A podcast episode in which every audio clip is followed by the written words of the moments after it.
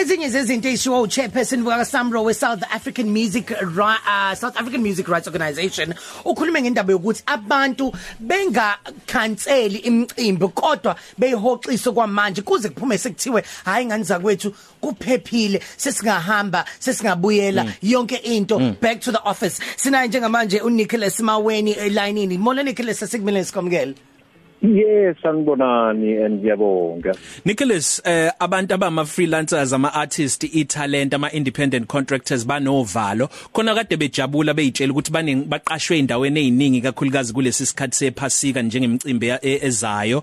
Abazi ke njengamanje ukuthi kuzokwenzakalani kakhulukazi njengoba ama promoters nama event organizers abanye babo sebevele bathi canceliwe leyo mcimbi. Okokuqala ungathini nje kuyitalent ama freelancers wonke ama artists eh yazi kuyinkinga lento eh, lesigulo sale coronavirus le COVID-19 mm. and futhi siyajabula thina singumsambro ukuthi eh, eh ama steps athathwe ngumongameli ne South Africa as a whole siyaba supporta lokho but as you remember sizongena kule pasika where many of our artists and uh, people obakhulume ngabo they always uh, this is the time for them ukuthi bahole mm. uh, imali yabo uh, because it's the first it's, it's another opportunity ukuthi bona uh, uh, bathola ama gigs mm. now many artists bathola imali eningi from live events now ushilo umongameli wathi uh, you can't have more than 100 people so many of uh, ama event organizers eh abantu abaona lemicimbi now they are cancelling and which create a panic attack uh, in the nation. First thina ke singumzi wakasambro siyabacela ukuthi please abawuhlehliswe rather ama events ukuze uthi lalela we can't do it this uh, festive uh, this, this Easter. Uh, maybe sizawenza in the next 3 4 months. Ngoba we believe thina singusambro ukuthi le nkinga yalesi sigulo it's a temporary one and we are definitely going to uh, uh, survive this thing and will come out victoriously. That's one. Two siyawacela ke ukuthi manje abantu bayazi ukuthi ama gigs aya cancel eh amanye ayahlehliswa which means awuzohola eh ngesikhathi ojwayele uhola ngaso o imali ojwayele ihola siyakucela ke wena mculi eh, wasemnikizini uhambe uye kwama banks akho uhambe uye ku landlord wakho uyobatshela ngalenkinga many of them already suppose ukuthi bazi but isithi wena yeah. you have a responsibility uhambe yo rearrange ama payment terms nje mm. mm. and then okwesithathu siyacela ukuthi eh ama artists ase South Africa and ama musicians in particular you know many people bacabanga ukuthi lesi sigulo sisigulo sabelungu kuphela and uh, and as a result we ask ama artists asize to communicate the right message to the people. Because many of the uh, uh, um, artists they are very much uh, influencers. So they can assist the government with the right messaging. Futhi siyawacela kamabhanki sicela amabhanke nawo ama landlord eh ukuthi eh, siyabacela ukuthi eh, bangasheshi ba repossess abathathela abantu imoto because the whole nation actually the mm. whole world is going through this. Nicholas ngingumhleli womcimbi noma ngipromote. Ukuhlela kwami umcimbi ngesikhathi sephasika kuqondene netheme yephasika.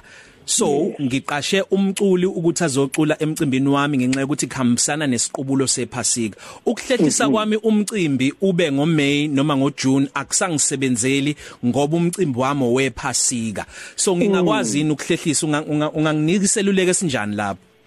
Uyabona ke lapho ke kunenkinga ke if awukwazi ukuhlehlisa ngoba u linked to ipasika but mm. the last point engifuna uyiveza ke ilapho sifuna ke ukuthi ama radio station sifuna ama TV wonke nje abantu abasakazayo ukuthi basize eningizimu Afrika ukuthi badlale umculo wama local badlale umculo wasekhaya so that during this time ukuze laba bantu bangakwazanga uhola lo uzofanele cancel wakho umsebenzi azokwazi ukuhola eh later when thina singumzoka Sambo sizothola imali yakhe yama royalties so siyanicela ke nina abantu basekusakazeni ukuthi nisize during this time the nation must definitely hear local music mm. eh ukuze sizokwazi ukuhlangana nje nje nje nje nje because yazi bonke umuntu uyaphanika and all of that and now manje sizokwazi ukubabona abantu bethu abantu sibajwayele ubabona so nina ke many of us siyangena siya self quarantine mm. sizohlala emakhaya sesithenga ukudla so siyanicela ke ukuthi nisize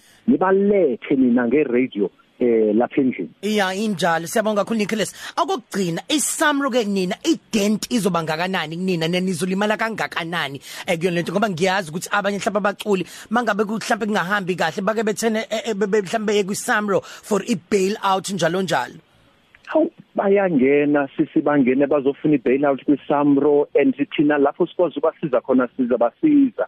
But uh, yazi imali esinayo ayikhoningi and number 2 we recently apha ku-February sabakhokhela you know it was the largest amount of money that we paid So uh, in terms of our royalties from radio. Eh eh lapha ku kwi month ka ka February sabakhokhela abantu abaningi eh amalungu ethu eSambro so we can assist where we can but bearing in mind ukuthi hey ay nalethu le mali sinayo lela ka Sambro phela ayikhoningi kangakho nje. If maybe umuntu acela ama advance eh eh let's say afuna advance 30000 ngoba ufuna ukukhokhela iFerrari yakhe sizothi thina sizokwazi umsiza masizokunikeza maybe 5000 ukuthi nje ube ne roof over your head. Mm. eh that's how we can assist you. Nathi ke kodwa asifundeni ukuthi ayibalwe imali ongakabi nayo. Mayingakafiki ngakuwena ungayibali. Mhlambe ke nje sesiqhubeka siya phambili nempilo ukukhumbule nje lokho mawumuntu ukuthi ungayibali imali mayingakafiki kuwena siyabonga kakhulu Nicholas ngiyabonga Positive Cafe.